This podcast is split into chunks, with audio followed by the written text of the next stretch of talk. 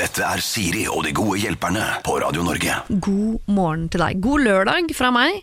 Mitt navn er eh, Siri, og vi skal altså ha Siri og de gode hjelperne her eh, på radio nå de neste to timene. Og i morgen, da, fra ni til elleve. Helgens eh, gode hjelpere er Katrine Sørland og Leo Ajkic, og de er straks på plass. Hver ikke hver dag, jeg overdriver, men eh, hver gang jeg reiser inn til Oslo fra stedet der jeg bor, som ligger ca. 40 minutter utenfor hovedstaden, så tar jeg tog. Og jeg bor på et sted hvor det er eh, nokså mange som tar tog inn til hovedstaden hver eneste morgen. Og det er en litt sånn mm, bred enighet om at eh, jo da, vanligvis så eh, stopper vi opp og kanskje slår an en prat. Kanskje vi til og med kjenner hverandre så godt at vi noen ganger spiser middag hos hverandre, men akkurat det er tirsdag, klokka er sju, jeg er trøtt, skal bare på jobb, burde egentlig kanskje forberede meg litt, tenke litt, svart på en mail, eller bare brukt den timen til å endelig få lest den boka, eller kanskje til og med hente inn litt søvn fordi jeg sovnet så seint i går. Og det, alle er enige om det.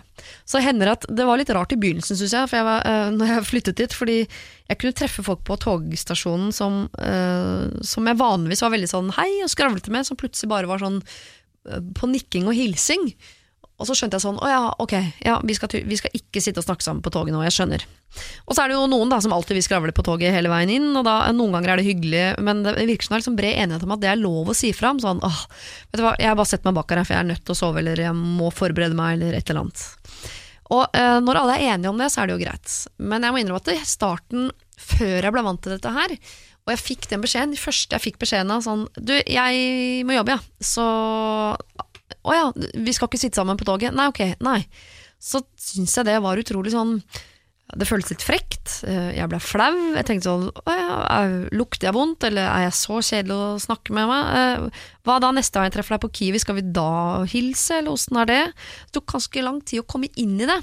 Men nå som jeg har skjønt at å ja, vi er enige om at det er greit å, å liksom få lov til å starte dagen aleine med sitt eget hode, komme på plass oppi der før man begynner å liksom konversere med andre mennesker, så syns jeg jo det er veldig, veldig deilig. Kjempedeilig. Men jeg kvier meg likevel hvis jeg en dag møter en som vil skravle klokka seks om morgenen, og jeg ikke vil. Så mener jeg at jeg kvier meg litt for å gi den beskjeden. Hvordan skal jeg få sagt fra om at det er ikke deg. Ja, vi skal hilse på hverandre på Kiwi. Du lukter ikke vondt. Jeg bare trenger hodet mitt for meg selv nå på morgenen. Jeg, vet, jeg er usikker på hvordan jeg skal klare å få sagt fra om det uten at den som tar imot beskjeden, får den følelsen som jeg fikk i begynnelsen, at å herregud, det må være noe med meg. Dette her er ikke riktig. Så øh, det er veldig deilig når alle er enige, men det er en litt vond beskjed å gi, og så det, kan være en, også en ganske vond beskjed å få. Dette er et av mange problemer vi skal gjennom her hos meg i dag. Vi skal innom masse forskjellig rart, eh, fram til klokken 11 i dag, og fra 9 til 11 i morgen. Fortsett å sende problemer du også, for vi er her hver eneste helg hele året. Så bare bruk mailadressen 24 timer i døgnet om det skulle være nødvendig, og det er, som jeg pleier å si, sier alfakrøll, radionorge.no. Siri og de gode hjelperne. Du hører på Siri og de gode hjelperne på Radio Norge, hvor jeg nå har fått mine to gode hjelpere på plass. Som er da eh, modell og nyfrelst eh, Farmen-bonde, Katrine Sørland. God dag. Hallais, hallais. Og programleder Leo Ajkic. Har du sett på Katrine på Farmen? Eh, nei, jeg har ikke sett på Farmen, faktisk. Ikke i det hele tatt? Aldri. Du vet uh, hva det går i, som du ville sagt? Jeg vet jo hva det går i. De har Farmen i utlandet og til og med i Balkan, der eh, både kjendis og ikke kjendisfarmen. Så jeg tipper du er med på Kjendisfarmen, sant? Ja. Ja. Men ikke Balkan eh, Ikke edition? Balkan edition. Ja, ikke Balkan edition. Nei. Savner du det, eller? Ja, Livet på gården? ja, nå gjør jeg det. Jeg gjorde ikke det med en gang. Eh, nå skal jeg aldri mer se på ei ku igjen. Men eh, nå kan jeg kjenne at eh, flaten, det var litt digg, da. Ikke ha telefon og ikke gå, eh, altså, hoppe ut av senga uten å liksom tenke på å vaske deg eller sminke deg eller noen ting. Ja. Og bare gå ut og melke ei ku. Altså, det var noe terapeutisk fint med det, ja. faktisk. Og hadde du fungert inn på en sånn gård, eh, Leon? Mm, jo da, det hadde sikkert gått fint, det. Hva du klikka først på? Folka, dyra, Nei, det er mangel av mobil? menneskene. Men nei, mangel på mobil går bra. Ja. Bare, jeg hadde jo ikke liksom likt hvis i dag du dro meg ut av sengen og sa hei Leo, du skal ut i Farmen.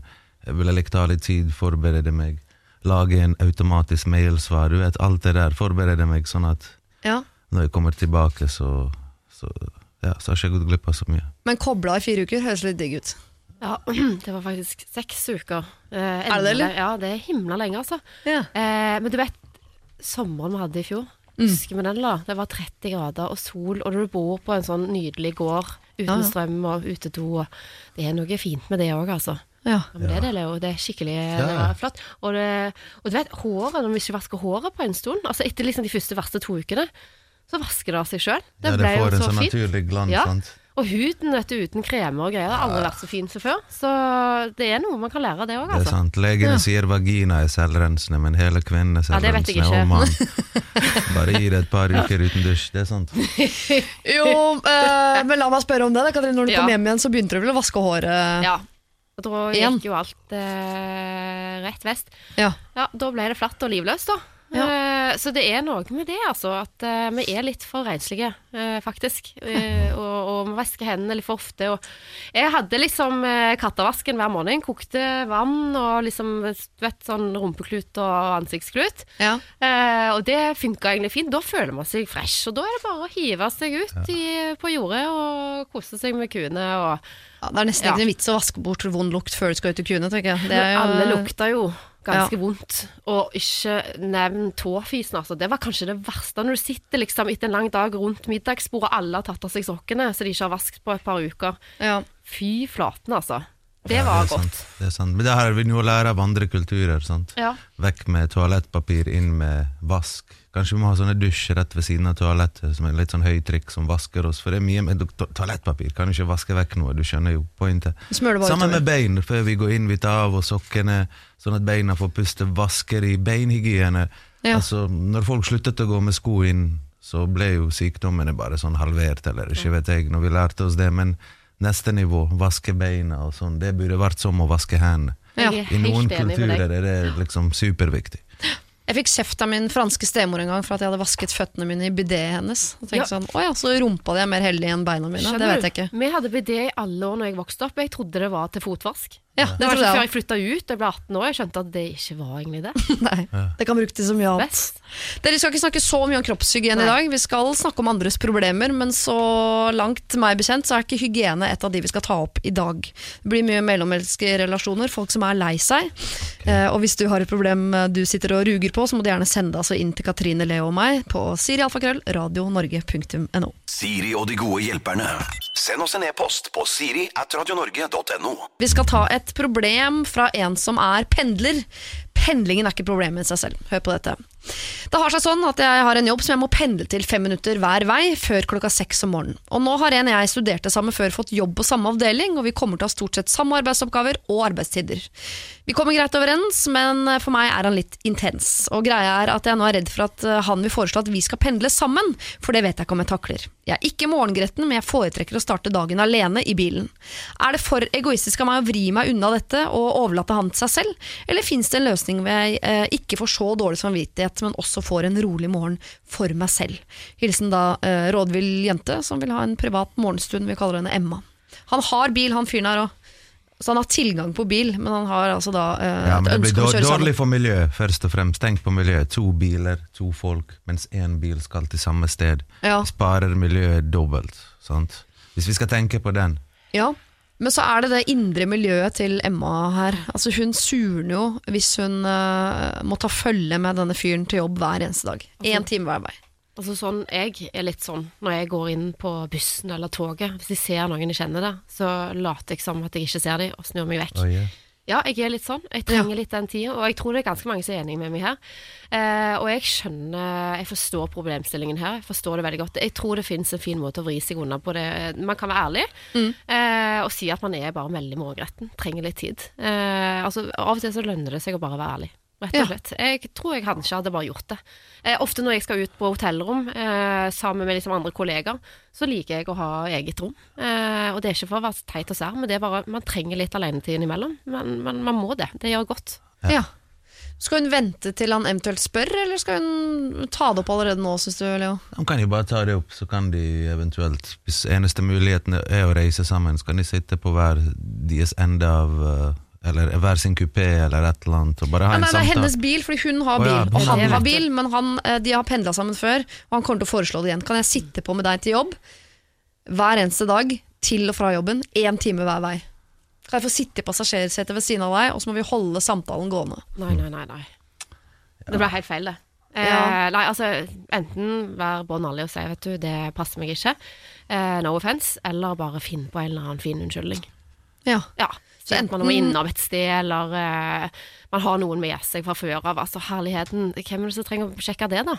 ja. Ja, Enten ljuge eller være Ja. ærlig, men resultatet må være at han ikke skal sitte på. riktig. Ingen av dere som mener at han burde få lov til å sitte på? At hun burde bare legge sin egen morgengrettenhet til side og, og, og slå et slag for miljøet, liksom? Nei, men altså, Hun er en mye bedre utgave av seg sjøl. Dette er en reell problemstilling for henne. Hun tror jeg blir en bedre utgave av seg sjøl hvis hun får gjennomslag for det hun egentlig ønsker her. Ja. Så som hun får litt tid, greit, hun kan kjøre litt, men det er ikke en evig du kan ikke, Hvis de skal jobbe der for resten av livet, så er det en dårlig løsning å unngå mannen. Og hvis ikke dette er en periode og litt sånn eh, altså det, det må være kjipt å være sammen med noen som du skal til samme sted, men du tør ikke å spørre om du kan sitte på fordi hun trenger sin fred, bla, bla, bla. Ja. Altså det, blir det kan jo bli litt stress, det her. da. Men enda verre, for jeg tenker sånn, det går an å foreslå en sånn øh, løsning. Sånn. Du kan sitte på på onsdager eller innimellom, Ja, det det eller mener. jeg kan sitte på med deg og du med meg. Sånn. det er bare Med en gang du viser den siden av, av deg selv som er sånn Jeg syns det er diggest egentlig å kjøre aleine, så vet jeg ikke om jeg hadde turt å være passasjer. Nei. Eh, selv om jeg har sagt sånn, du kan sitte på innimellom. Nei, at jeg tror jeg står over jeg, da. For det, det blir så kleint. Ja, jeg er helt enig. Man eh, skal gjerne innom et sted, eller eh, man, man har ikke samme kjørevei, f.eks. Man kan jo gjøre det for seg sjøl, bare tenke at man kjører en skikkelig omvei, og så vil da den andre personen tenke at det tar for mye tid. Ja. Eh, ofte så syns jeg det er herlig Ja, men så, ofte synes jeg det er ganske digg å vite at jeg skal kjøre litt langt Ja, før ja, jeg kommer fram. Ja. Våkne litt og ta en kopp kaffe, så begynn litt før. Kjør en skikkelig omvei, så tror jeg du har løst problemet. Men jeg tror ikke det er en god idé for Emma her, eh, og stopp meg hvis jeg syns jeg tar feil, at hun finner på en ny unnskyldning for hver gang. Jeg tror hun må liksom Ja, må være ærlig. Den må være eh, liksom bastant. ja, Hun må stoppe det. Hun er Ja. ikke sånn 'nei, i dag skal jeg innom bestemoren min', Nei. 'nei, i morgen skal jeg innom', 'nei, da skal jeg', ikke sant. Hun må, hvis hun skal stoppe det, så må hun stoppe det en gang for alle. Absolutt. Ja.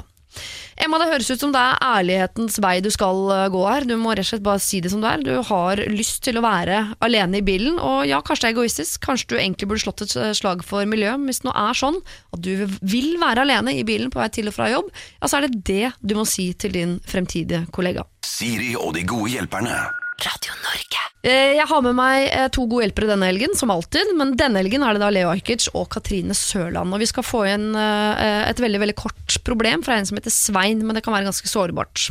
Han skriver nemlig Jeg er per dags dato sammen med en flott dame som du kan kalle Sonja. Vi har det helt Ok, men jeg er virkelig klar for å komme meg videre, men jeg sliter med å slå opp. Jeg er rett og slett livredd for hva hun kommer til å si. Jeg er en veldig konfliktsky person, og jeg ønsker ikke noe drama. Det hjelper jo ikke at vi skal på en tur til Paris om ikke så lenge, eh, så nå har jeg egentlig falt ned på at jeg tror det er best om vi bare drar på den turen, og så slår jeg opp når vi kommer hjem, slik at vi kan avslutte dette med en fin opplevelse. Hva syns dere? Svein lurer på hva vi syns om eh, det er en god idé når han vet at han skal dumpe Sonja, at de tar en liten tur til Paris først. Hva tenker du, Leo? Jeg så du ville si noe, Katrine. Du var veldig ivrig for å si noe på den her. Nei, gå du, du.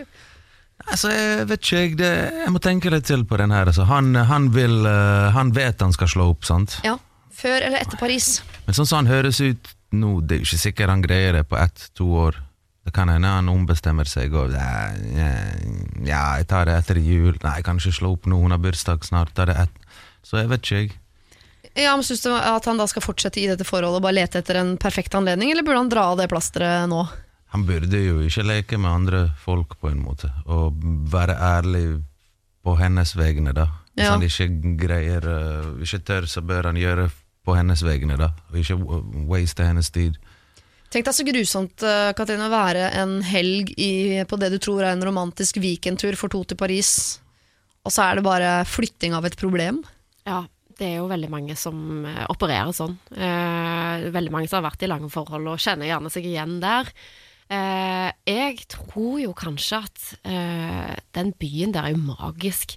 Altså han er jo gjerne inne på noe der, at han tenker at eh, jeg skal ta den turen. Det kan være det ligger noe bakenforliggende der, at kanskje han tenker at det kan være det, det blusser opp litt sånn romantikk igjen. Ja. Og det er jo den beste byen i hele verden å la det blusse opp ting. Ja. Så jeg syns jo vi er altfor dårlige til å ta sånne getaways, om det så er bare på et hotell her i hovedstaden, eller hvor det nå enn er, gå en lang tur, eh, ha seg ute, eh, kose seg eh, sammen. Eh, det er vi altfor dårlige til, eh, å ta vare på hverandre. Og en tur til Paris tror jeg kanskje kan være med og eh, hjelpe de to.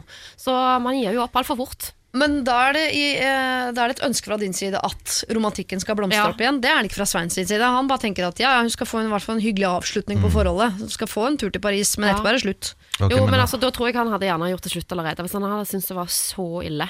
Ja. Så tror jeg at mennesker er såpass godt bygd sammen at det nå altså, klarer ikke en, med et minutt til.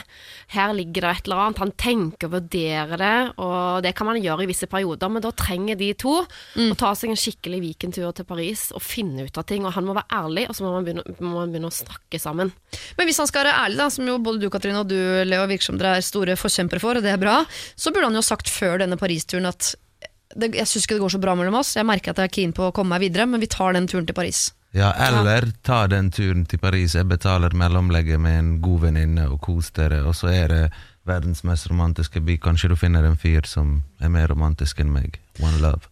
At Svein sender Sonja til Paris med en venninne? Ja, med Ronja for eksempel, eller en eller annen venninne. Ja. Sånn, Som hun passer sammen med. Så Svein, som den konfliktsky mannen han er, kan kjøpe seg ut av et problem. Så han gir henne den turen, men han slipper å være med. Ja, for eksempel, da. I, Ja. I hvert fall i god tid, sant? sånn at hun kan ta med en venninne. Hun kan fortsatt gjøre den turen, og, og kanskje det blir en romantisk tur allikevel. Kanskje Ja. hun og venninnen kan ha en sånn pyjamas kosefest hjemme, og så utvikler det seg til noe mer enn vennskap. Hvem vet? Hvem Hvem vet? vet? Kjenner ikke Sonja så godt. Ja. Men er det ingen som syns det på en måte uh, Jeg skjønner at for Svein så er det deilig å utsette problemet. Jeg, bare, jeg tror jeg ville følt meg utrolig lurt hvis jeg dro på uh, tur til Paris med en mann som visste at han ikke ville være sammen med meg, bare fordi han ikke turte å si fra. Den turen, Hvis de to drar, så er det jo Det kommer jo ikke til å bli noe koselig. Jeg er helt enig. Jeg Når hun vil så kysse, enig. så vil han kaste opp. ikke sant? Når hun vil leie, så vil han løpe. Ja, det er så kjipt. Eh, er så kjipt, altså. Men jeg mener samtidig at man gir opp så fort òg. Ja. Eh, kanskje de har vært sammen en stund. Sa han noe med det, eller?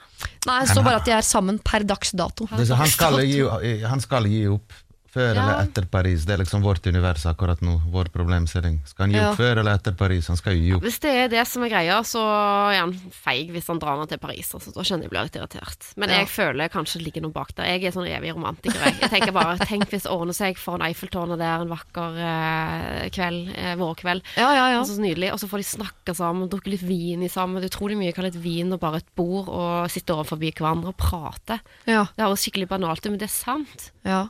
Det er ikke alltid det funker, men eh, Nei, men da må jeg si det da til deg, Svein. Hvis det er et lite håp om at det kan blusse opp noe, ikke drama, for det liker du ikke, men noe romantikk i løpet av denne turen til Paris, så syns vi du ikke skal gi opp, og folk gir opp for fort. Så da tar du denne turen og ser om det er noe der som kan reddes. Men hvis du har 100 bestemt deg for at hun dama her vil jeg ikke ha, så syns jeg det er litt ufint av deg å dra dit uh, til Paris sammen med henne. Så jeg heller skal uh, gi den turen til Sonja, så hun kan dra sammen med Ronja, og hvem vet hva det blir til. Og så kan du bli hjemme, så slipper du det der dramaet, og du er kvitt den der dama. Siri og de gode hjelperne. Katrine Sørland og Leo Ajkic er mine gode hjelpere denne helgen, og vi har fått inn et problem fra en som heter Petter, som akkurat har fått seg deltidsstilling som lærer på en folkehøyskole. Det er drømmejobben hans.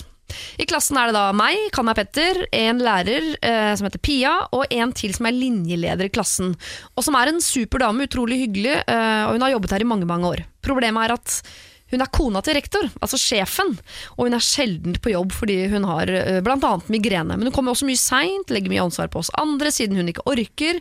Og på eh, jobben skjønner vi virkelig ikke hvorfor hun ikke bare er sykemeldt. Vi får ofte beskjed rett eh, før dagen starter om at hun ikke kommer i dag heller, og ender derfor ofte opp med ale eh, elevene alene og uten et opplegg. Når vi konfronterer ledelsen eller henne med disse dårlige unnskyldningene, eh, så ser de ikke problemet og går fort bare videre og gidder ikke gjøre noe med det. Jeg og den andre som jobber her er utrolig lei av det og skjønner ikke hvordan vi skal kunne fikse det. Hva skal vi gjøre? Hvis ikke dette var kona til rektor, så hadde hun vært sykemeldt for lenge siden, og vi hadde fått inn en ny lærer som faktisk er på jobb. Vi har snakket om henne til andre kollegaer som har jobbet her eh, i mange år, og folk flest sier at dette er noe som allerede har pågått lenge. Hilsen Petter. Altså, eh, eh, Petter og denne Pia da, har en kollega som ikke er til stede og gjør den jobben hun skal. Eh, og så blir det litt vanskelig å si fra, for hun er gift med sjefen. klassisk. Ja, er det det? Ja, Ja. det er jo litt sånn. Det er jo litt sånn Ja. Det er jo litt sånn Norge fungerer. Vi liker å tro at det er ikke korrupsjon, at det ikke er sånn Men det er jo nettverk, det er kontakter, det er Du ser det her. Ja. ja, for dette syns du grenser til korrupsjon? Det er jo det på en måte hvis, hvis sjefen sjøl, rektor, vet alt det og ikke har gjort noe med det, eller tatt opp Hvis andre ansatte har tatt denne samtalen og han har ikke gjort noe med det, Mm. så er jo det fordi det er konen hans eller familie eller noen som er nær han. Ja, ja. Ja, for det, jeg tenker Når du sier at det er klassisk, så tenker jeg ja, på en måte, men det klassiske problemet er jo at øh, noen har dette problemet, så sier man gå til sjefen, det er hans jobb å ordne opp.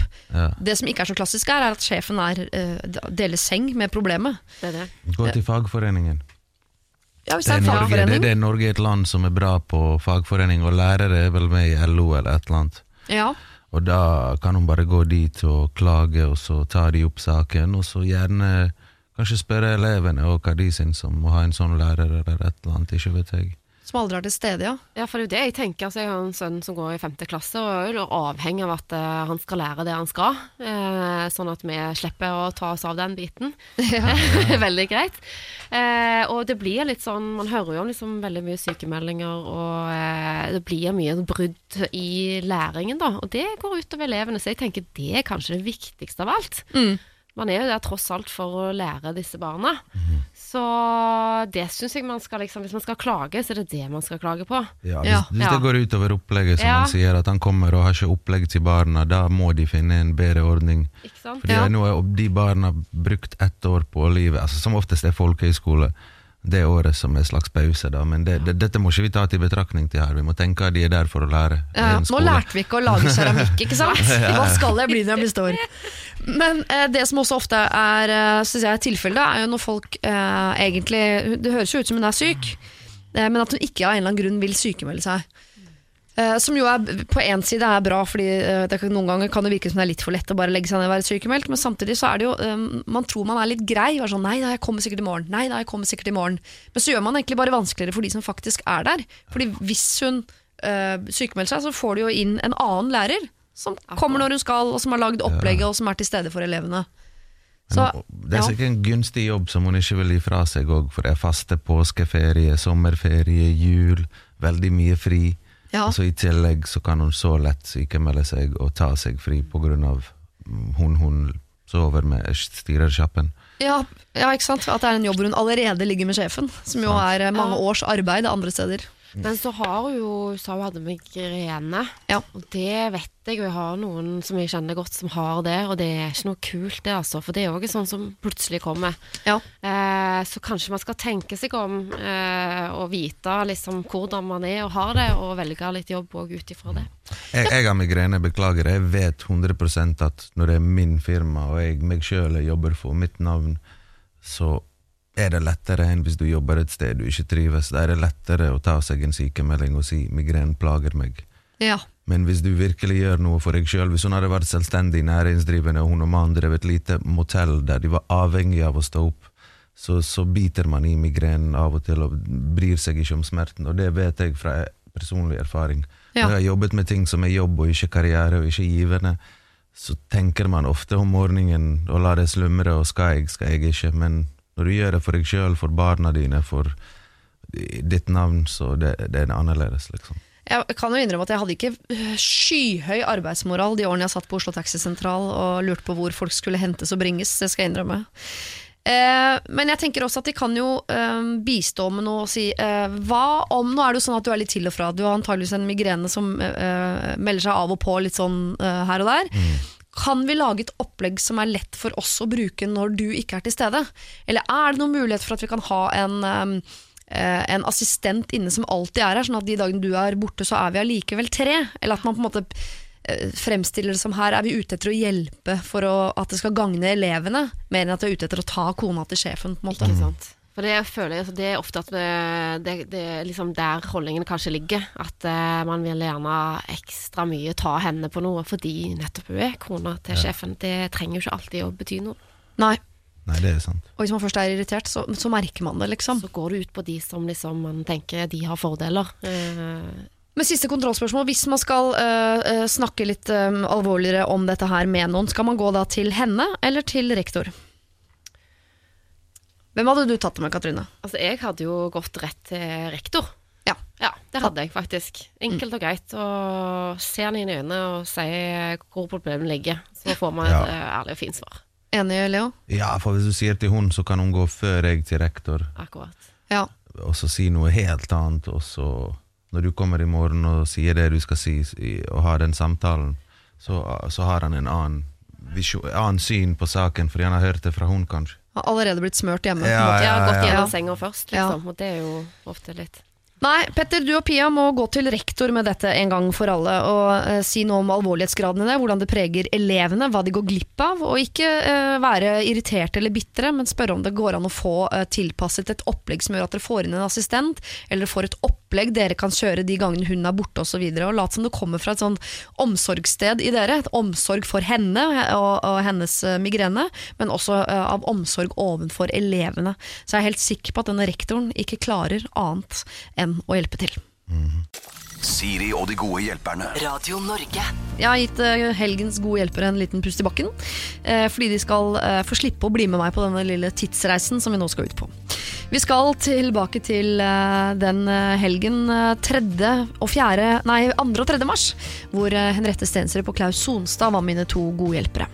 Da fikk vi inn et problem fra en som het Trude, som hadde havnet opp i et litt på kant Ja, var det tre- eller firekantsdrama, eller hva det nå var.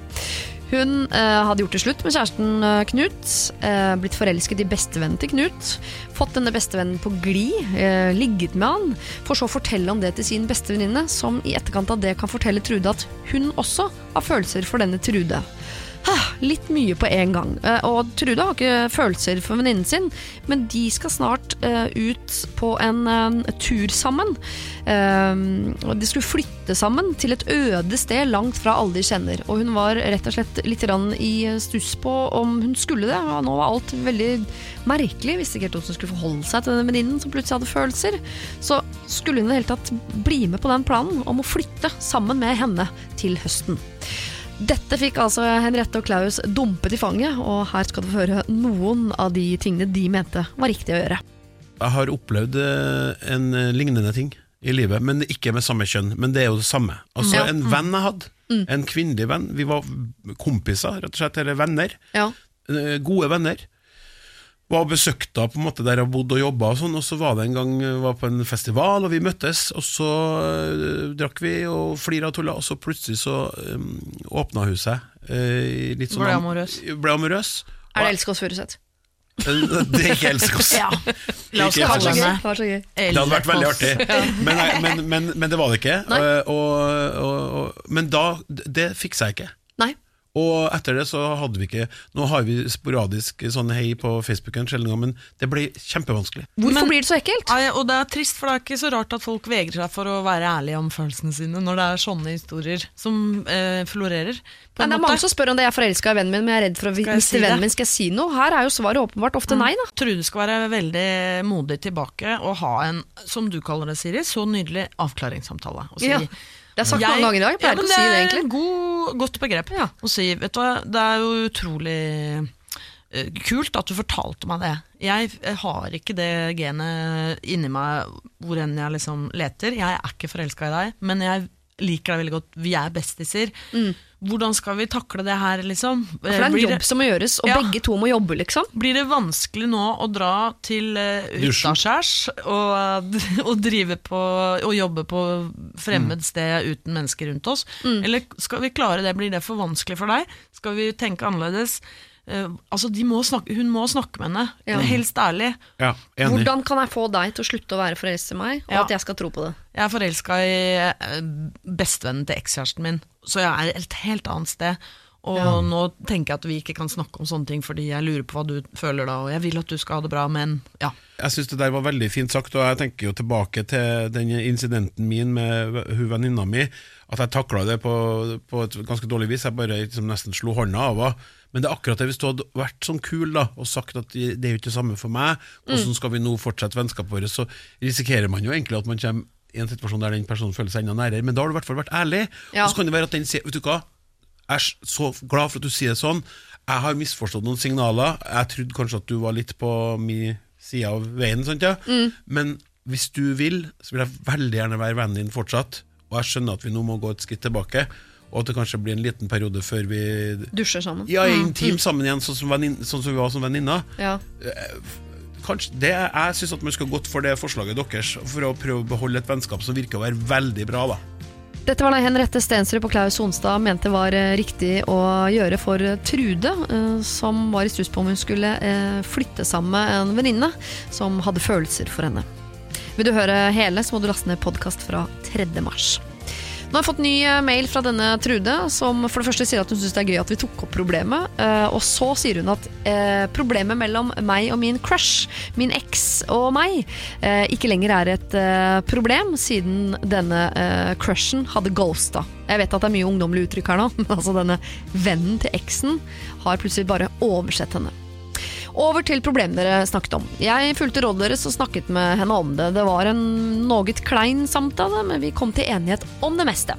Vi ble enige om å fortsatt flytte til et øde sted sammen og fortsette med det vennskapet vi hadde før dette skjedde. Vi har i dag en åpen dialog og snakker mye om det. Det er ikke rar stemning, og vi tuller og ler mye med dette. Jeg vet at vi kommer til å komme oss helt over dette, og at vennskapet vårt har blitt styrket av det. Med andre ord, to venner som på- var på nippet der til å gli fra hverandre, har altså snakket om nettopp det som gjør at de var i ferd med å skli fra hverandre, og nå kommet styrket ut av det hele. Altså Ta det med dere videre, for dette her tror jeg nok vil være tilfellet i 99% av alle problemer hvor du tenker at ah, dette orker jeg ikke, jeg orker ikke å ta i det, jeg vil heller bare fade det ut. Ta det, så blir det bedre på andre siden. Nesten alltid. Radio Norge. Vi skal til en uh, dame som jeg eh, får veldig veldig vondt av. For dette er en dame som det eneste hun vil, er å bli elsket. Og det gjelder vel de fleste, vil jeg tro. Samboeren min er en mann av få ord, og det er vanskelig å komme inn på han. Han har store vansker for å uttrykke seg, både fysisk og eh, verbalt. Han klarer ikke å si fine eller positive ting til meg, eller at han er glad i meg, osv. Han er er heller ikke en som klemmer, berører, koser osv. Jeg syns dette er veldig spesielt, og ikke minst trist. Jeg vet at han har hatt en vanskelig barndom, og at han for noen år siden mistet eh, en som sto han nær. Han har vært gjennom mye vondt og traumatisk, og jeg tror han er veldig preget av barndommen og oppveksten sin. Og jeg har stor sympati for eh, han, og jeg vil gjøre hva som helst for å hjelpe han.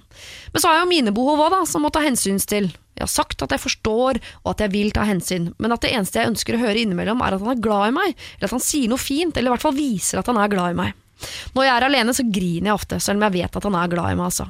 Han mener at jeg må stole på han, ellers så hadde vi jo ikke vært samboere om det ikke var, at eh, var for at han var glad i meg. Jeg har ofte tenkt på at jeg burde gå fra ham, men jeg vil jo egentlig ikke det. Samtidig så kan jeg ikke gå rundt og være ulykkelig og lei meg sånn som jeg er nå. Så hva kan jeg gjøre for at samboeren min skal forstå det? Jeg vil ikke være sutrete og masete kjæreste, men nå vet jeg ikke lenger hva jeg skal gjøre. Det eneste jeg vil, er at han skal vise at han er kjæresten min. Hilsen trist og fortvilet jente.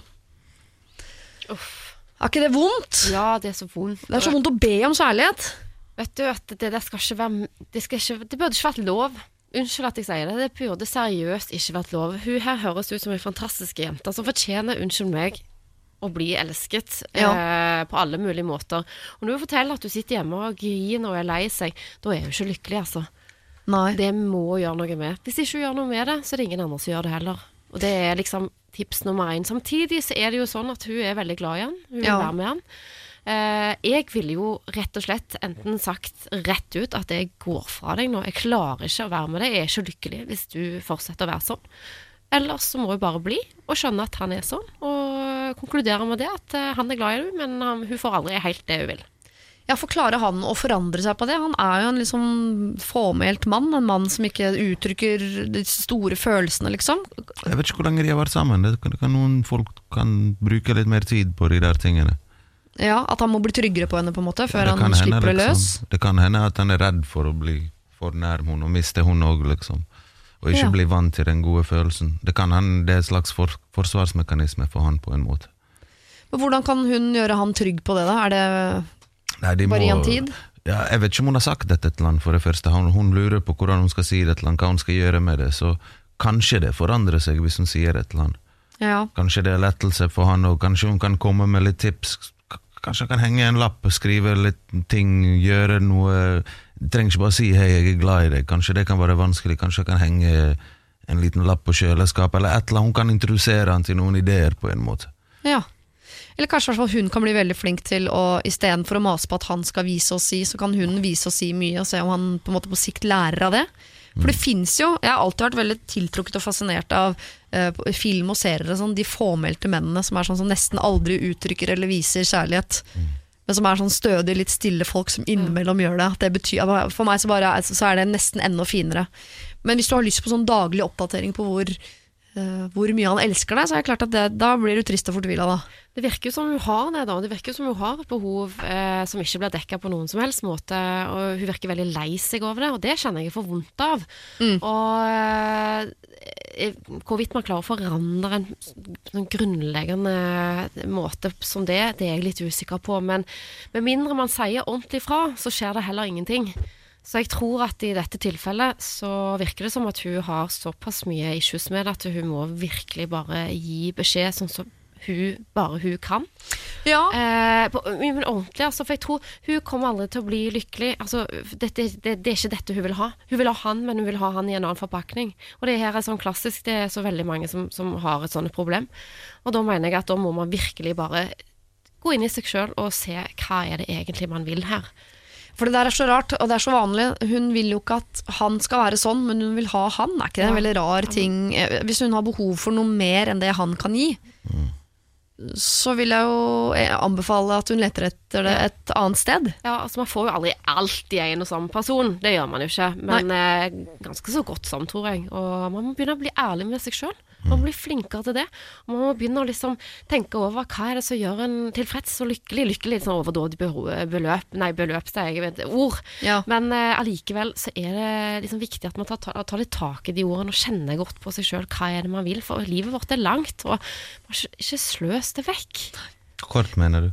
Ja, kort og langt. Er kort. Det blir langt, ja, Ja. langt hvis man er i et sånt forhold. Ja, ja. Ja. Eh, og det blir trist, og man blir ikke den beste utgaven av seg sjøl. Og det høres skikkelig sånn eh, Nå høres det ut som en sånn hjelp til selvhjelpsbok her, men det er litt sånn. Ja, ja, ja. Jeg får så vondt. Jeg har så lyst til at hun skal ha det bra. Men hvis hun, øh, hvis hun skal prøve da hjemme først med han og få han til å, å bli flinkere til å uttrykke kjærlighet, hva, øh, hva- ville du foretrukket, Leo, at din kjæreste sa til deg? At hun maste på at Leo, si at du elsker meg, si at du elsker meg, si at du elsker meg? Eller at hun viste At hun ofte sa at hun elsket deg, og håpet at du etter hvert skulle følge etter? Ja, men jeg ville jo kanskje likt å bli konfrontert og ha en samtale hvorfor ikke jeg greier å vise følelser, eller hva som er bak, så kanskje det kan føre til en stor gjennombrudd for de, eller et eller annet. Kanskje han også, kanskje det er vanskelig for han, han òg trenger eh, å bli spurt, kanskje. Kanskje det er vanskelig for han å bare komme ut og åpne seg.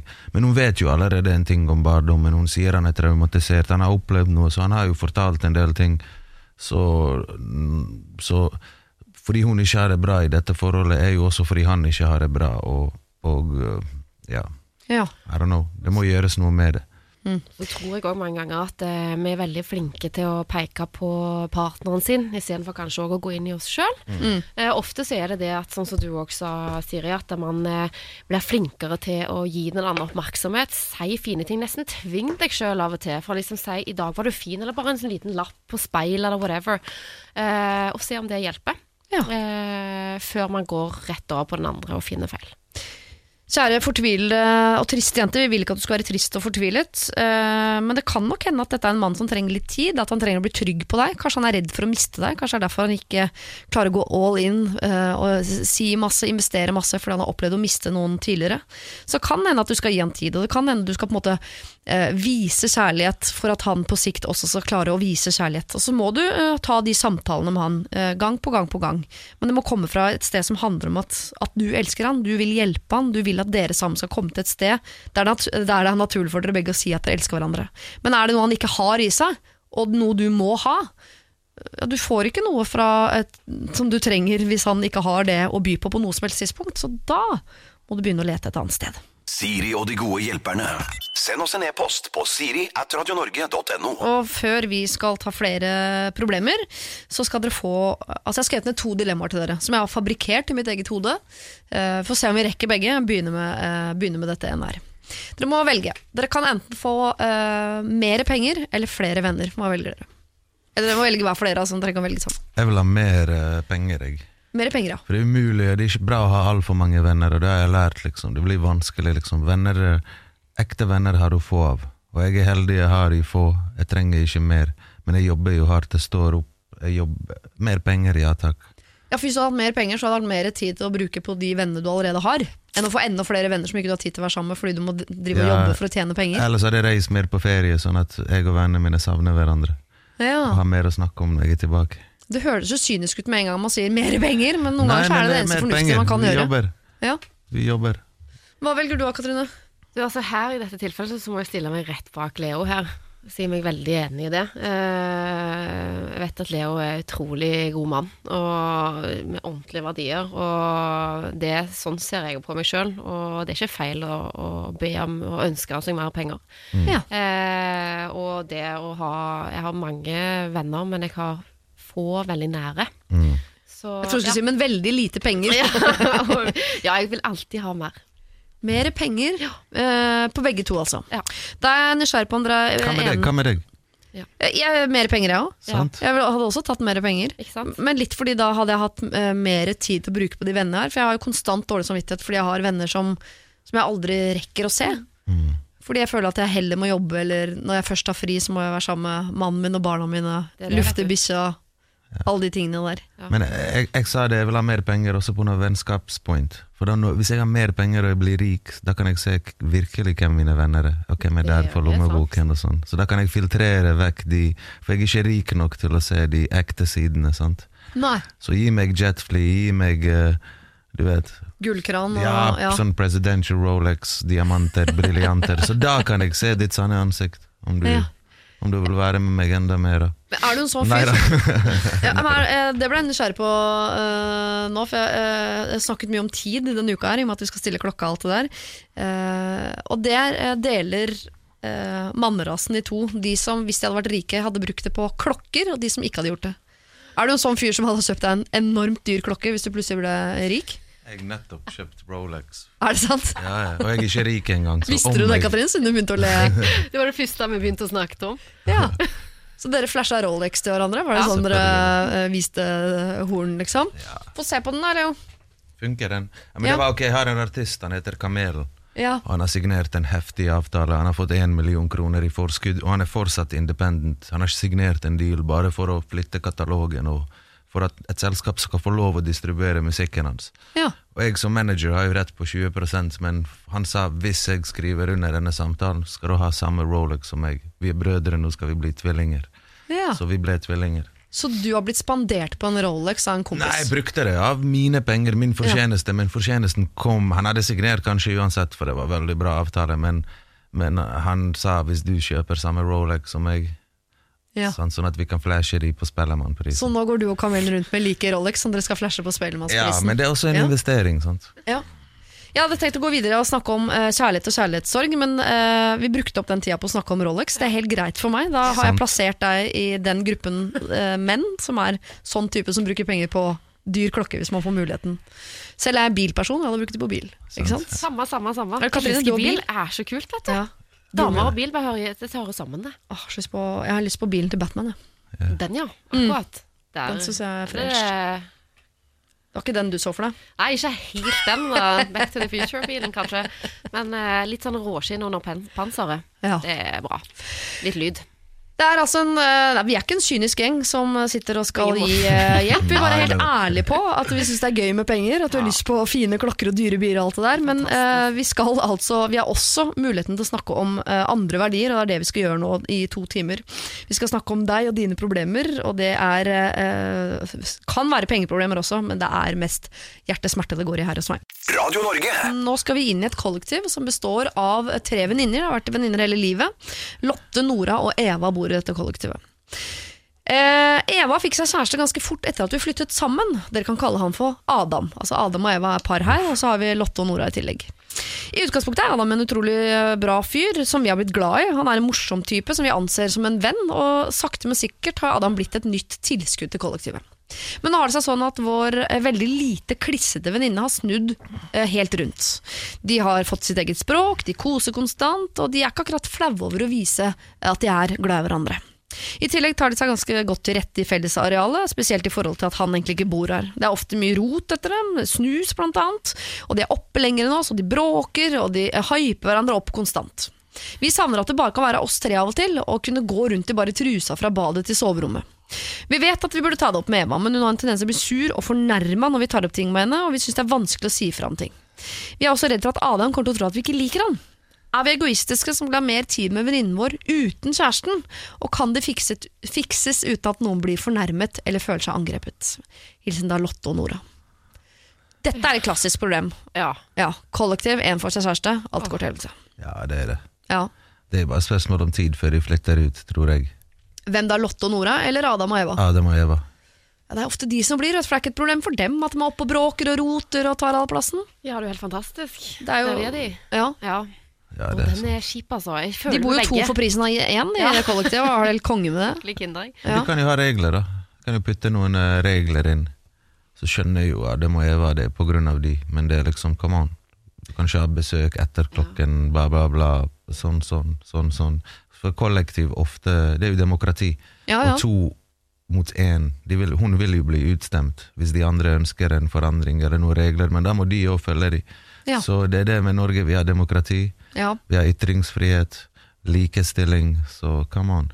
Bare, bare sett noen regler.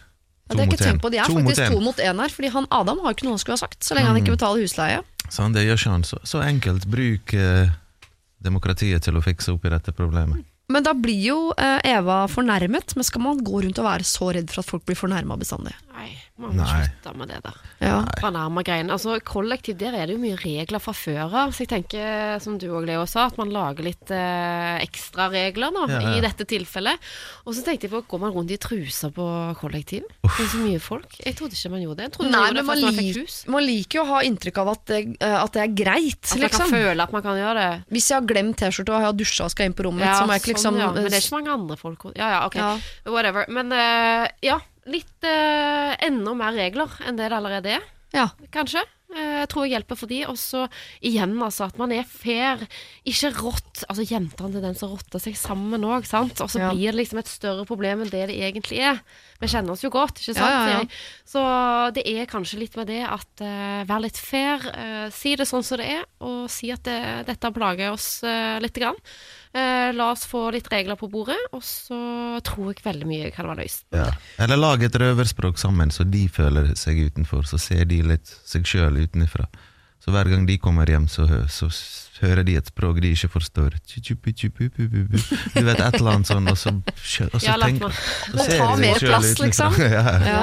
Og man spiller igjen med samme mynt, da. At man eh, får- noen skuespillergutter Altså gjør litt det samme, da. Sånn at Mm. de får kjenne på litt det samme. Leie to gutter, da. Ja. ja. Men jeg tenkte også på at øh, hvis de skal snakke med Hvis Lotte og Nora skal snakke med Eva, da, så kunne det kanskje vært en idé å snakke med Adam og Eva sammen, sånn at de på en måte viser at Adam, vi har godtatt deg som en del av kollektivet, du er en del av familien, vi liker deg, Ja. men nå er vi fire istedenfor tre, så da må vi fire bli enige om noen Ja. regler, sånn at han tenker sånn oh, jeg er en del av gjengen, og jeg får lov, til og med lov å være med å lage regler. Sant. Man har jo regler i en familie òg, sant. Og med familieforøkelse, det kommer flere unger i bildet. Altså Man må jo ha regler. Ja. Så ikke går det jo helt av skaftet.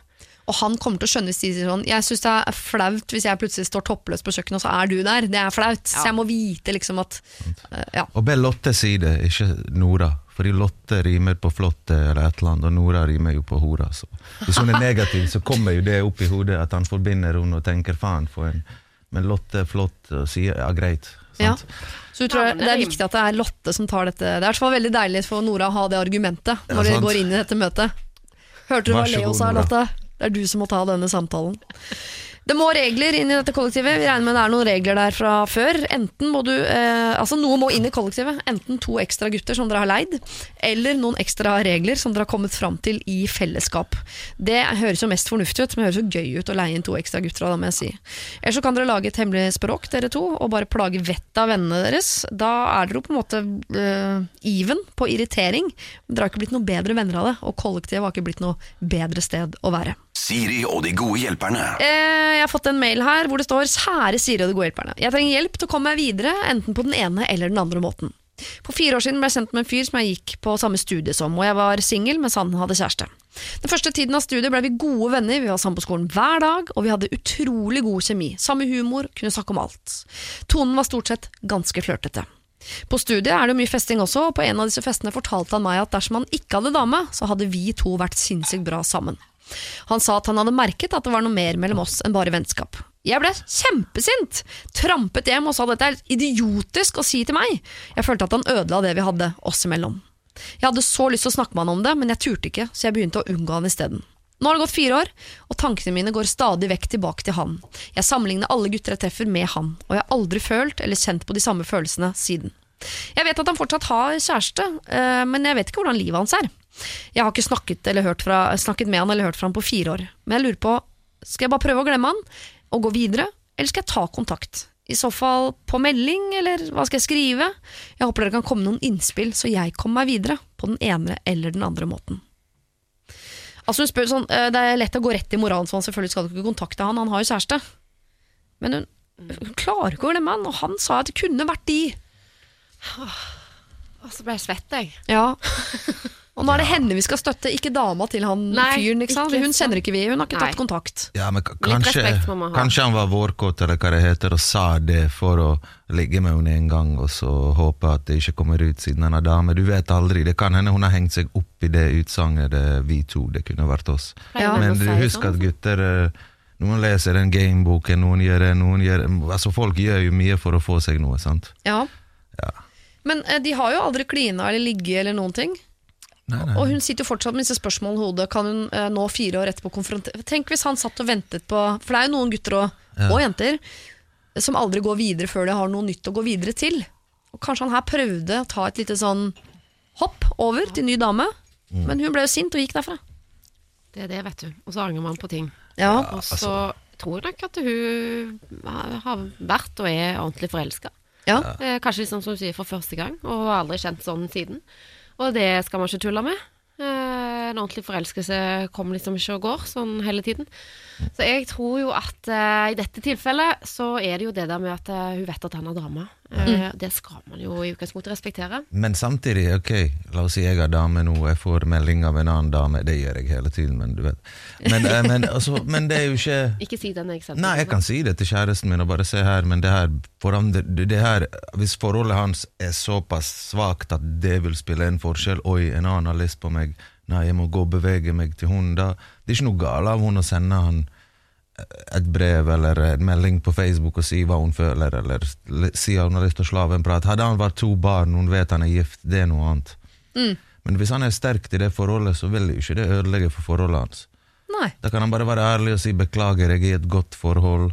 Jeg har det bra med kjæresten min, jeg har alltid likt deg, men situasjonen er helt annerledes. Det er ikke noe sjanse for i dag, kom deg videre. Kanskje det kan også være en vekker for henne. Eller så kan han bryte ut av den dårlige situasjonen på det og ta en sjanse med henne. Jeg vet ikke, jeg, men Nei, det vet jo ikke du, og det vet jo ikke hun Det skader ikke for henne å si det, tror jeg. Nei. For de er jo allerede, de har jo ikke sett hverandre på fire år. Det er ikke sånn at de blir mindre venner av den grunn. De er jo ikke med hverandre lenger. Nei, og derfor tenker jo jeg da Det kan jo være en annen innfallsvinkel, at man gjør det litt smartere. At, uh, som er jenter, er jo selvfølgelig veldig smarte. eh, og rett og slett sende han en melding på innboks og bare Hei, kom plutselig eh, på å tenke på deg. Uh, hvordan går det med deg? Har du det fint? Hva gjør du? Ja. Altså litt sånn vennskapelig, og bare liksom ut ifra det så får du gjerne et svar, så du kan bygge videre på ja. enten den veien eller den veien. Jo, men det er noe tilbake på der de var, hvor de var venner. Men var de noe mer Ja, i fylla så sa han jo det på fest, ikke sant? Jo, men dette dette er fire år siden. Ja, Sant? Det er jo et eller annet med at eh, nå må man liksom føle og ta på litt. Og når man da kanskje ved at man graver litt uten at det, på en måte, det kommer fram at 'å, jeg er så forelska i deg', ja. så kanskje man får litt eh, små tegn som gjør at man kan bygge videre på noe hvis det skulle være noe, eller ikke i det hele tatt. Jeg synes bare vi er i, i hvert fall her i Norge synes jeg vi er litt lite flinke til å tørre å innrømme at vi er forelska i folk. Fordi med en gang eh, noen ikke er da forelska tilbake, så er det Det er flaut så å være forelska. Og det, jeg forstår egentlig ikke det. At jeg er forelska i deg, men du ikke er forelska i meg, er jo ikke egentlig flaut. Det Nei. sier jo ikke noe om Nei, meg. det det.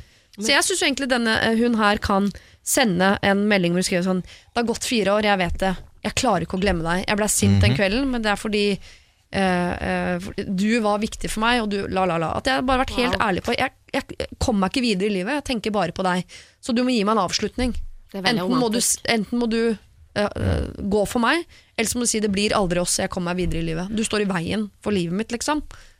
Og så sier han sånn Ja, nei, gå videre, du. Jeg er ikke interessert i deg i det hele tatt. Jeg har det kjempefint her jeg har det. Ok. Tenk hvis han skriver ja, Jeg må tenke litt på det. Kanskje om ett-to år. Jeg er inne i en annen greie nå.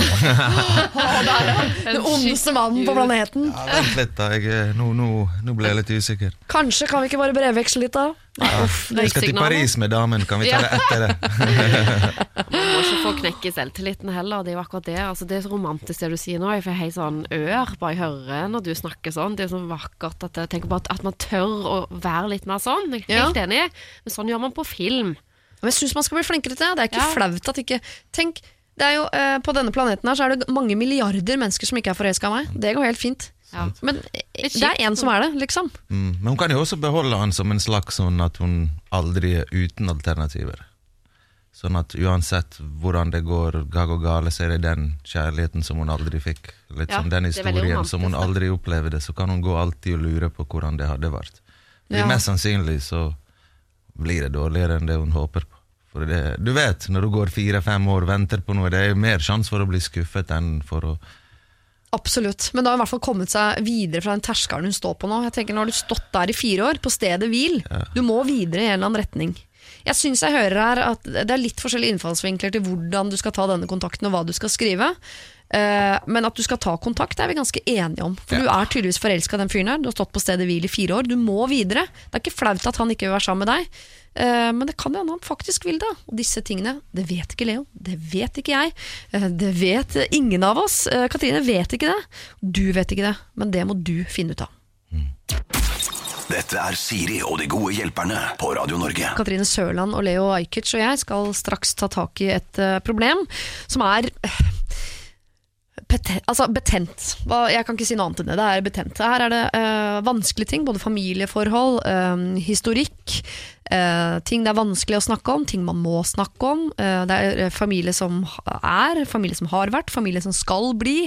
Her er det mange elementer, mange potensielle tær å tråkke på, og mange hensyn å ta. men jeg tror allikevel dette er et problem som må snakkes om. Eh, det er nokså langt, og jeg skal lese eh, mailen i sin helhet. Hør på dette. Hei, Siri. Jeg har et problem jeg trenger noen innspill på. For tre år siden møtte jeg min nåværende samboer via Tinder, og vi elsker hverandre og har bestemt oss for at det blir oss to resten av livet. Jeg er nå gravid, og vi gleder oss veldig til å bli foreldre. En dag fikk jeg melding av svigermor. Hun inviterte meg på kaffe og bildetitting. Altså Hun ville se på bilder av eh, far til dette barnet, bare for å se eh, kanskje om eh, er, hvordan kommer dette barnet til å se ut, egentlig. Midt blant babybilder og feriebilder dukket opp et bilde av min samboer og ungdomskjæresten hans. Samboeren har nevnt at hun var hans første kjærlighet, at de hadde et turbulent forhold der hun var utro flere ganger, og at det var veldig tungt for han da hun gjorde slutt. Svigermor spurte meg om min samboer, om min samboer hadde fortalt om ekskjæresten, og jeg svarte at jo da, han har nevnt henne. Svigermor svarer ja, det der var en ekstremt tung tid, han var jo suicidal og gikk til psykiater. Jeg ble helt satt ut, for dette har ikke han nevnt for meg. Vi har snakket eh, mye om hans psykiske helse tidligere, da han tidvis har tyngre perioder der han er mye inni hodet sitt, som han sier. Dog han har aldri nevnt at han tidligere har vært suicidal, eller at han har fått behandling for det. Jeg blir jo så klart bekymret. Altså, kommer han til å fortelle det til meg hvis han skulle bli suicidal igjen? Kan jeg oppleve om 5, 10 eller 15 år at jeg kommer hjem og at han har tatt sitt eget liv? Så hva gjør jeg nå, da? Kan jeg spørre han om det i det hele tatt?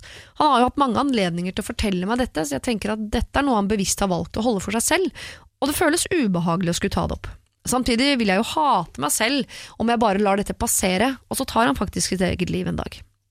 Er, altså jeg er 28 år, min samboer er 34, og jeg har flere ganger oppfordret han til å gå til psykolog når han har tunge perioder, men han ønsker ikke dette selv. Han sier at han ser ikke poenget, han tror ikke at det kommer til å hjelpe. Han har disse tunge periodene én til fire ganger i året, og de kan vare i alt fra én til fire uker. Når han ikke har disse periodene, er han verdens fineste menneske, som er full av liv og humor og glede. Med vennligheten bekymret anonym.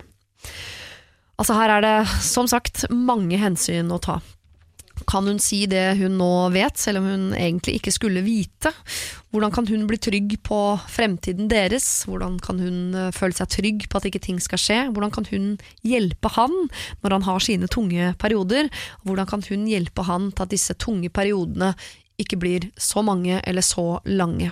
Hun vil jo bare hjelpe han, som er verdens fineste menneske, full av liv, humor og glede, til å fortsette å være det for seg og deres felles barn.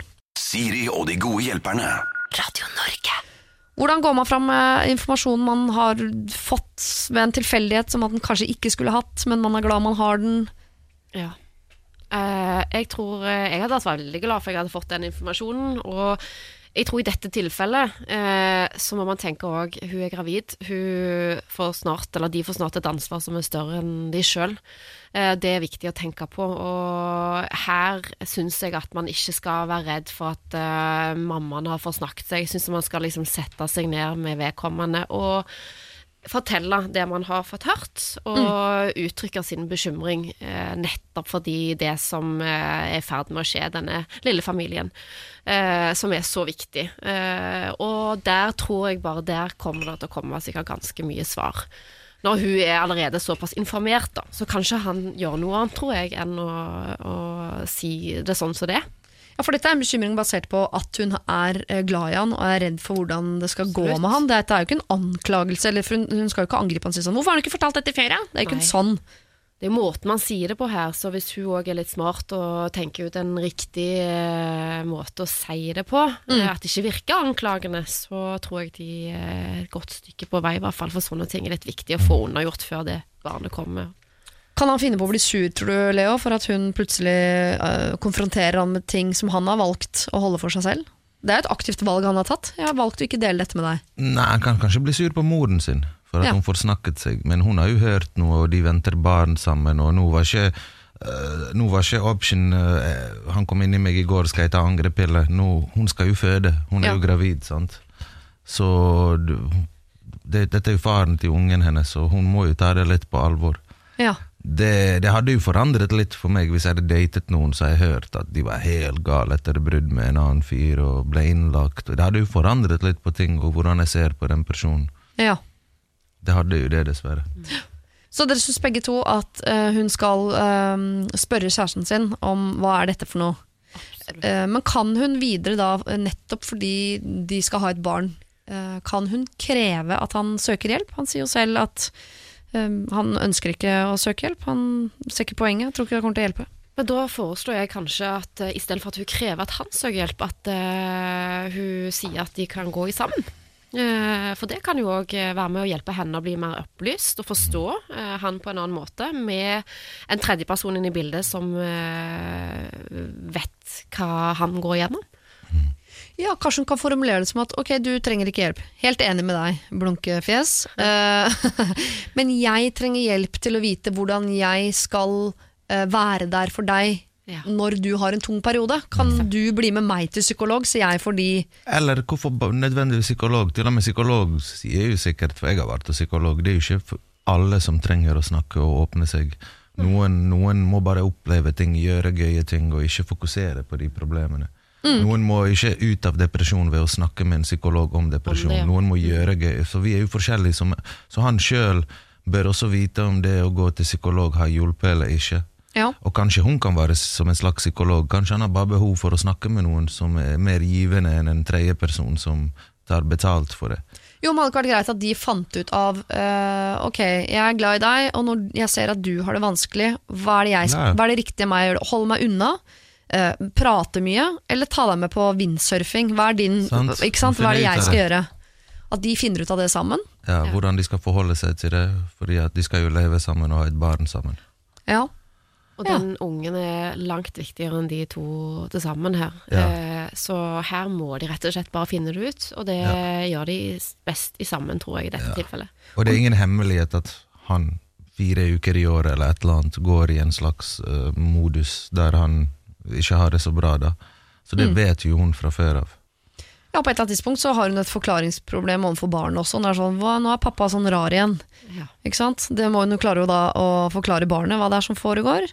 Så hadde det, vært, det hadde vært greit å finne ut av det nå, Ja. før barnet begynner å stille spørsmålstegn med hvorfor pappa eh, oppfører seg så annerledes plutselig. Ja, Men det er lov å være lei seg. Det er lov å trekke Absolutt. seg tilbake og deale med sine egne ting. Men så er det litt urettferdig at hun også skal gå rundt og være konstant bekymret hver gang hun har vært på butikken for om når hun låser opp døra. Mm. Er han der fortsatt, eller er han det ikke? på en måte? Ja. Ja, og når det er såpass bekymring, så må man gjøre noe med det. Ja, Ja. Men det er jo litt sånn ting du burde kanskje tenkt på før du ble gravid òg, og tatt det opp.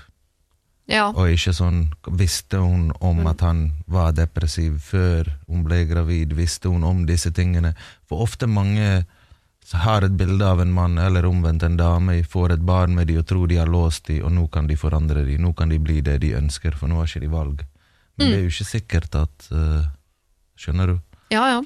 Nå kan det hende at dette her, det å få uh, et barn, det å få noen andre å ansvar for, er akkurat det han trenger for å komme seg ut av sin depresjon. det. Hvem vet?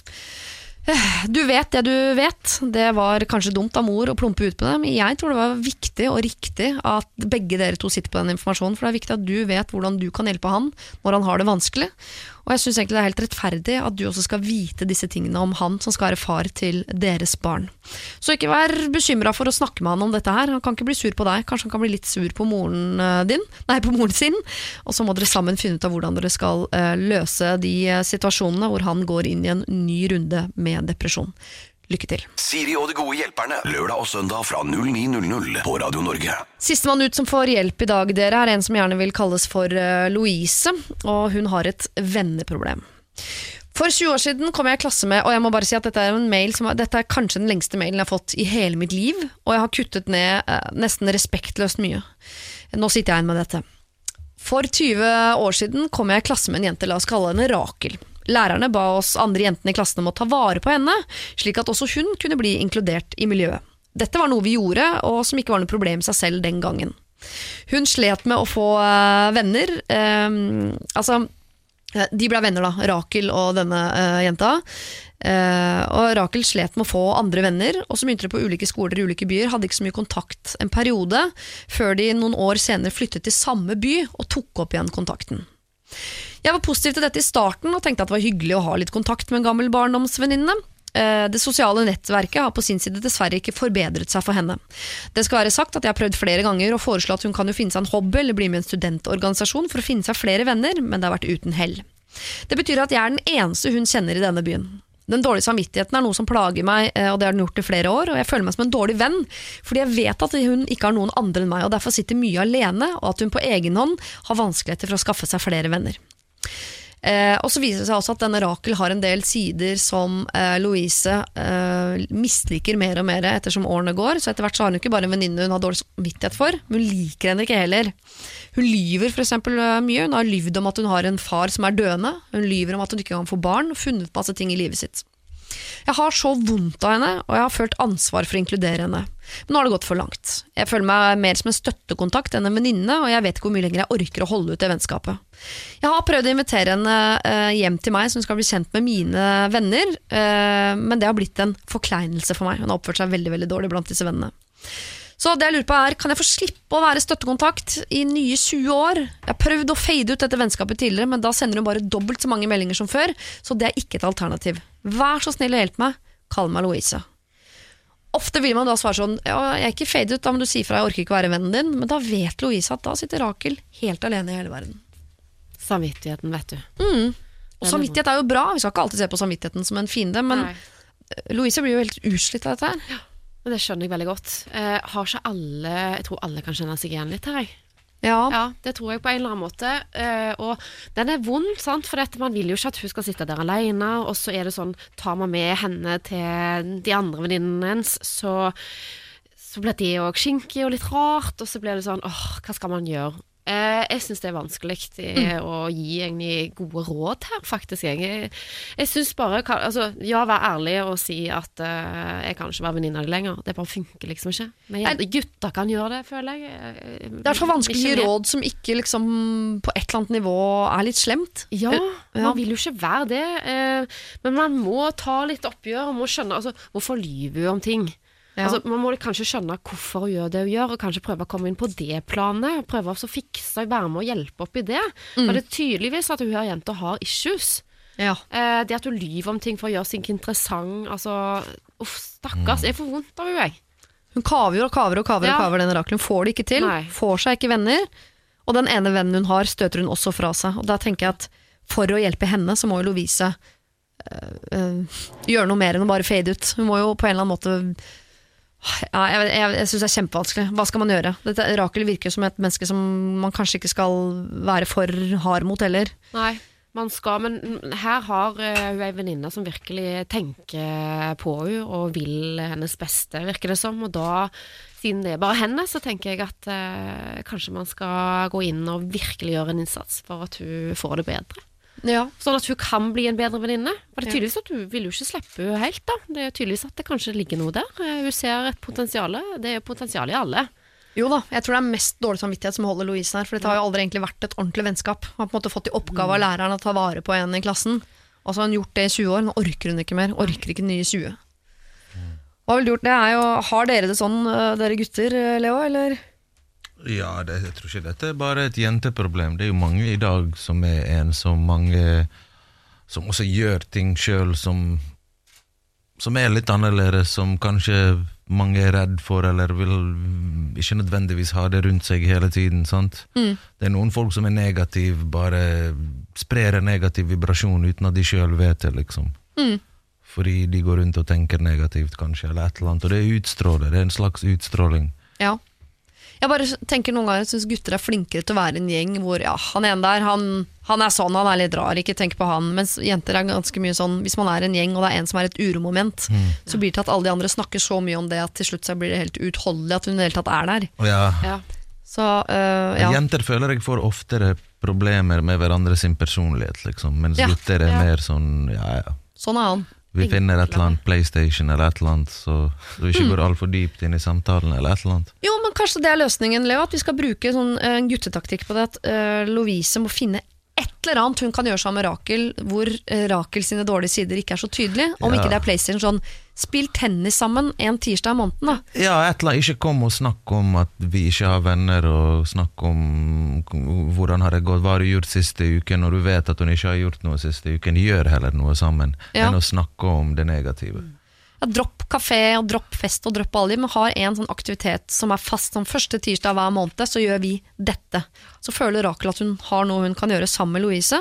Louise slipper den dårlige samvittigheten, men hun slipper å liksom være i situasjoner hvor eh, Rakel må drive og selge seg inn og gjøre seg interessant ved at hun eh, har problemer i familien, eller Så, Kanskje det er noe, altså. Ja, så føles det jo godt å være der for folk, og det, for henne så betyr det sikkert alt i verden. Mm. Og hvis man kan klare, klarer å tenke litt på det, og kjenne på den, hvor mye det egentlig gir vedkommende at jeg er her nå, bare en halvtime i løpet av uka, i det verste i det minste. Så, eh, så Halvtime i uka syns jeg var mye. Ja, kvarter det. Det er ingen jeg ser en halvtime i uka, bortsett fra bikkja, mannen og ungene. Nei, men ikke sant? Og så blir man eldre, det er jo det hun også sier nå, det er liksom vanskelig å få plass inn i livet hennes. Mm. Men klarer man det da, litt tid, så får man tror jeg litt mer igjen òg. Så tenk litt større. Og hvis det er trening, så kanskje det er noe du også får ut av. Nå skal ikke jeg tvinge folk inn i squash eller tennisbransjen, altså jeg er ikke noe glad i det sjøl, men øh, det klarer du liksom. Hvis du tenker at tennis er gøy, det kan jeg og Rakel gjøre sammen. En gang i uka. Jeg får trent. Det er ikke plass til å snakke egentlig, for du er så sliten. Kjør på. Samvittigheten er borte. Ah, det er sjelden jeg har følt meg så nærme en fasit, altså. Ja, ikke verst den, Hvis altså. det er greit for dere. Ja, Hvis det er greit for dere. Cool. Jeg tenkte inn i dette problemet, Louise, tenkte at dette er håpløst. Jeg aner ikke, Det fins ikke råd som ikke er slemt mot den ene. Jeg lurer på om det nærmeste vi kommer en løsning her, at dere må finne en felles aktivitet. Om det er PlayStation eller tennis eller hva det er, det er samme for oss. Men finn én ting dere kan gjøre sammen på en fast dag. Enten ukentlig eller månedlig, eller i hvert fall kvartalsvis, om ikke annet. Så slipper du den dårlige samvittigheten. Rakel har fortsatt en venninne, og du, Lovise, er den venninna du egentlig er. Men det trenger ikke å slite så mye på deg med alle hennes irriterende sider. Radio Norge. Mine gode hjelpere denne helgen, Katrine Sørland og Leo Ajkic, har fått lov til å ta helgen eh, for godt, og det er jo fint, for det er ikke så mye igjen av den. Jeg er tilbake om en uke med to nye gode hjelpere, og den gangen, da, den gangen er det Henrik Thodesen og Sigrid Bonde Tusvik. Det er jo to kjente navn og to kjente fjes og stemmer. Det som, jo det er vel ganske kjent, men kanskje du ikke visste at de har vært kjærester i mange år. Eh, de eh, gjorde det slutt, og Sigrid Bonde var eh, lei seg i mange år. Nå er Sigrid sammen med kameraten til Henrik, og de er altså gode venner alle sammen. En ganske sånn kronglete, men fin reise. Så hvis du har et problem du tenker at det her er de rette folka, om ekseproblematikk f.eks., hvordan være venn med en eks, hvordan slå opp, eller kanskje helst hvordan ikke slå opp, hvor lenge kan jeg ha kjærlighetssorg, alle de tingene der, må dere gjerne sende inn på mail til Sigrid, Henrik og meg. Da bruker du min mailadresse, som er sirialfakrøllradionorge.no. Alt annet av problematikk er selvfølgelig også lov. Vil du ha flere problemer fra andre folk som du ikke har hørt, så må du laste ned podkast fra i dag, i går eller alle andre helger vi har hatt sammen her på Radio Norge. Dette er Siri og de gode hjelperne på Radio Norge.